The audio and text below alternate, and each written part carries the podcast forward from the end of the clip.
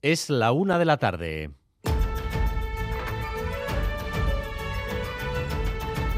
Crónica de Euskadi con Dani Álvarez. A Rachaldeón, Euskadi se prepara para recibir a una amplia representación de Naciones Unidas que esta tarde participará en la inauguración de la sede de la coalición local 2030 en Bilbao, un lugar donde compartir experiencias sobre cómo alcanzar los objetivos de desarrollo sostenible en medio de una guerra a los pies de Europa y con el cambio climático que amenaza con acelerar su ritmo. La elección de Bilbao es un logro en el que han participado el Ayuntamiento, el Gobierno vasco y también el Gobierno de España. Y Manuel Manterola. Y en la inauguración de esta tarde en Bilbao estarán representadas las tres instituciones junto con la Vicesecretaría General de Naciones Unidas. Las entidades regionales y locales son clave en el desarrollo de la Agenda 2030 como instituciones más cercanas a los ciudadanos. Y esta sede buscará impulsar esos objetivos de la Agenda 2030 reuniendo y coordinando a entidades públicas, asociaciones y el sector privado. Lo hará desde Bilbao, en la sede que estará situada en el edificio del Archivo Histórico de Euskadi, lo que es a su vez un reconocimiento a la villa en la consecución de los objetivos de la Agenda 2030. Los objetivos de desarrollo sostenible que marca la ONU están condicionados, lógicamente, a que haya compromiso político para alcanzarlos. Estos objetivos le resultan especialmente incómodos al autoritarismo. Por eso, la derrota de Bolsonaro en Brasil va a permitir profundizar en ese camino. Eso sí, la victoria de Lula ha sido por la mínima y la gran incógnita sigue siendo si el derrotado intentará desacreditar el resultado, como ya hizo, por ejemplo, Donald Trump en los Estados Unidos. Además, en Madrid, homenaje a 15 víctimas de la represión franquista víctimas que hasta ahora no habían sido reconocidas, entre ellas el sacerdote José Aristimuño Aitzol, uno de los 16 curas vascos asesinados por los franquistas. El gobierno de España, en pleno, ha participado en el homenaje con el lema Memoria es democracia. Nerea Sarriegui, adelante.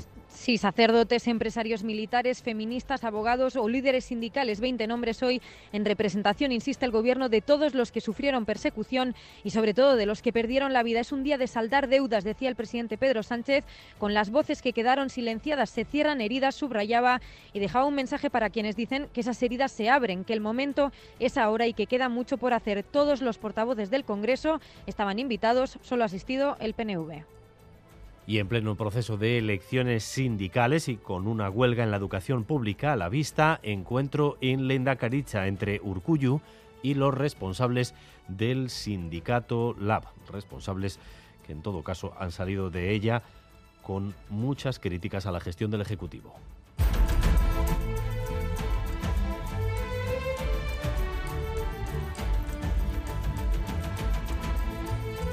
La inflación en la eurozona asciende ya al 10,7%. Eso sí, España y Francia son los dos países con el dato más bajo. Al tiempo, el Euribor continúa con su ascenso hasta el 2,6 con el que va a cerrar este mes. Y coincidiendo con todo ello, el último lunes de octubre en Guernica confluyen hoy varias cosas. La primera, la fiesta y el reencuentro. La segunda, el estado global del sector primario del país.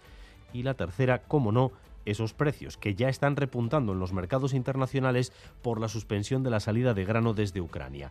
En Guernica se nota que están bajando los precios, Natalia Díaz. Pues al contrario, están subiendo. Lo que vemos aquí es un claro escaparate de lo que está sucediendo en el agro. Dos euros, por ejemplo, más que la última feria cuesta el kilo de queso, 50 céntimos la botella de sidra o chacolí, tres euros más la alubia, que además la sequía ha hecho que la cosecha de este año se haya reducido hasta un 50%. Es a lo que se están enfrentando agricultores y ganaderos que además han hecho, nos dicen, un sobreesfuerzo para contener estos sobrecostes, pero ya son muchos meses acumulados, nos dicen, y es que ha subido todo, el gasoil, la electricidad, el pienso, el vidrio, el cartón, el corcho, las semillas, la harina, el azúcar, los huevos, de ahí este reflejo que estamos viendo hoy en la feria más importante del agro en Euskal Herria. Hay fuertes rachas de viento anunciadas para la jornada de hoy. Es el viento sur que sigue azotando y causando estragos también en los aeropuertos. El de Loyu canceló la semana pasada 15 aterrizajes.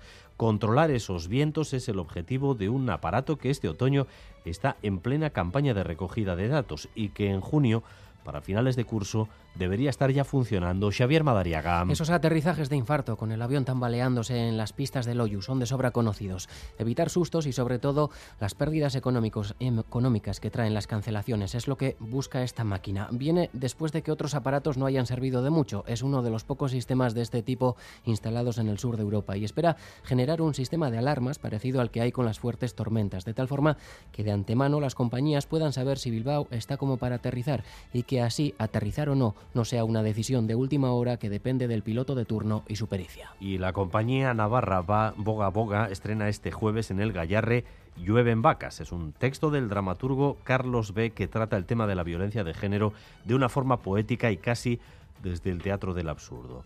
Llueven vacas nos muestra la relación entre Margarita y Fernando en una casa en la que el maltrato psicológico es el pan de cada día.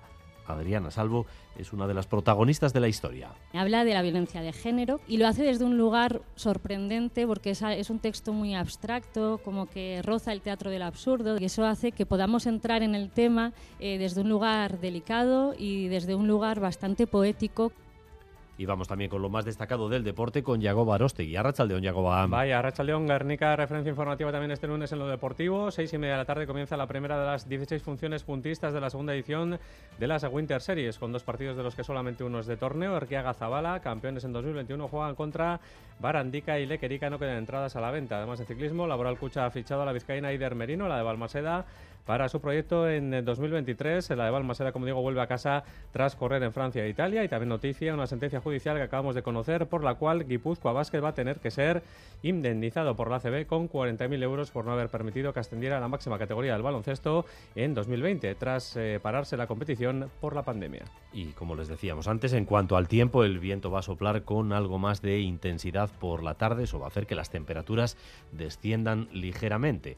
Hay riesgo marítimo desde las 18 horas hasta las 24 y podría haber también chubascos ocasionales según la previsión de Euskalmet. 22 grados a esta hora en Donostia, en Bilbao, 19 en Iruña, 18 grados en Bayona, 18 también en Vitoria-Gasteiz. Gracias un día más por elegir Radio Euskadi y Radio Vitoria para informarse. Raúl González y Joseba Urruela están en la dirección técnica, a Itziber Bilbao en la coordinación. Crónica de Euskadi con Dani Álvarez.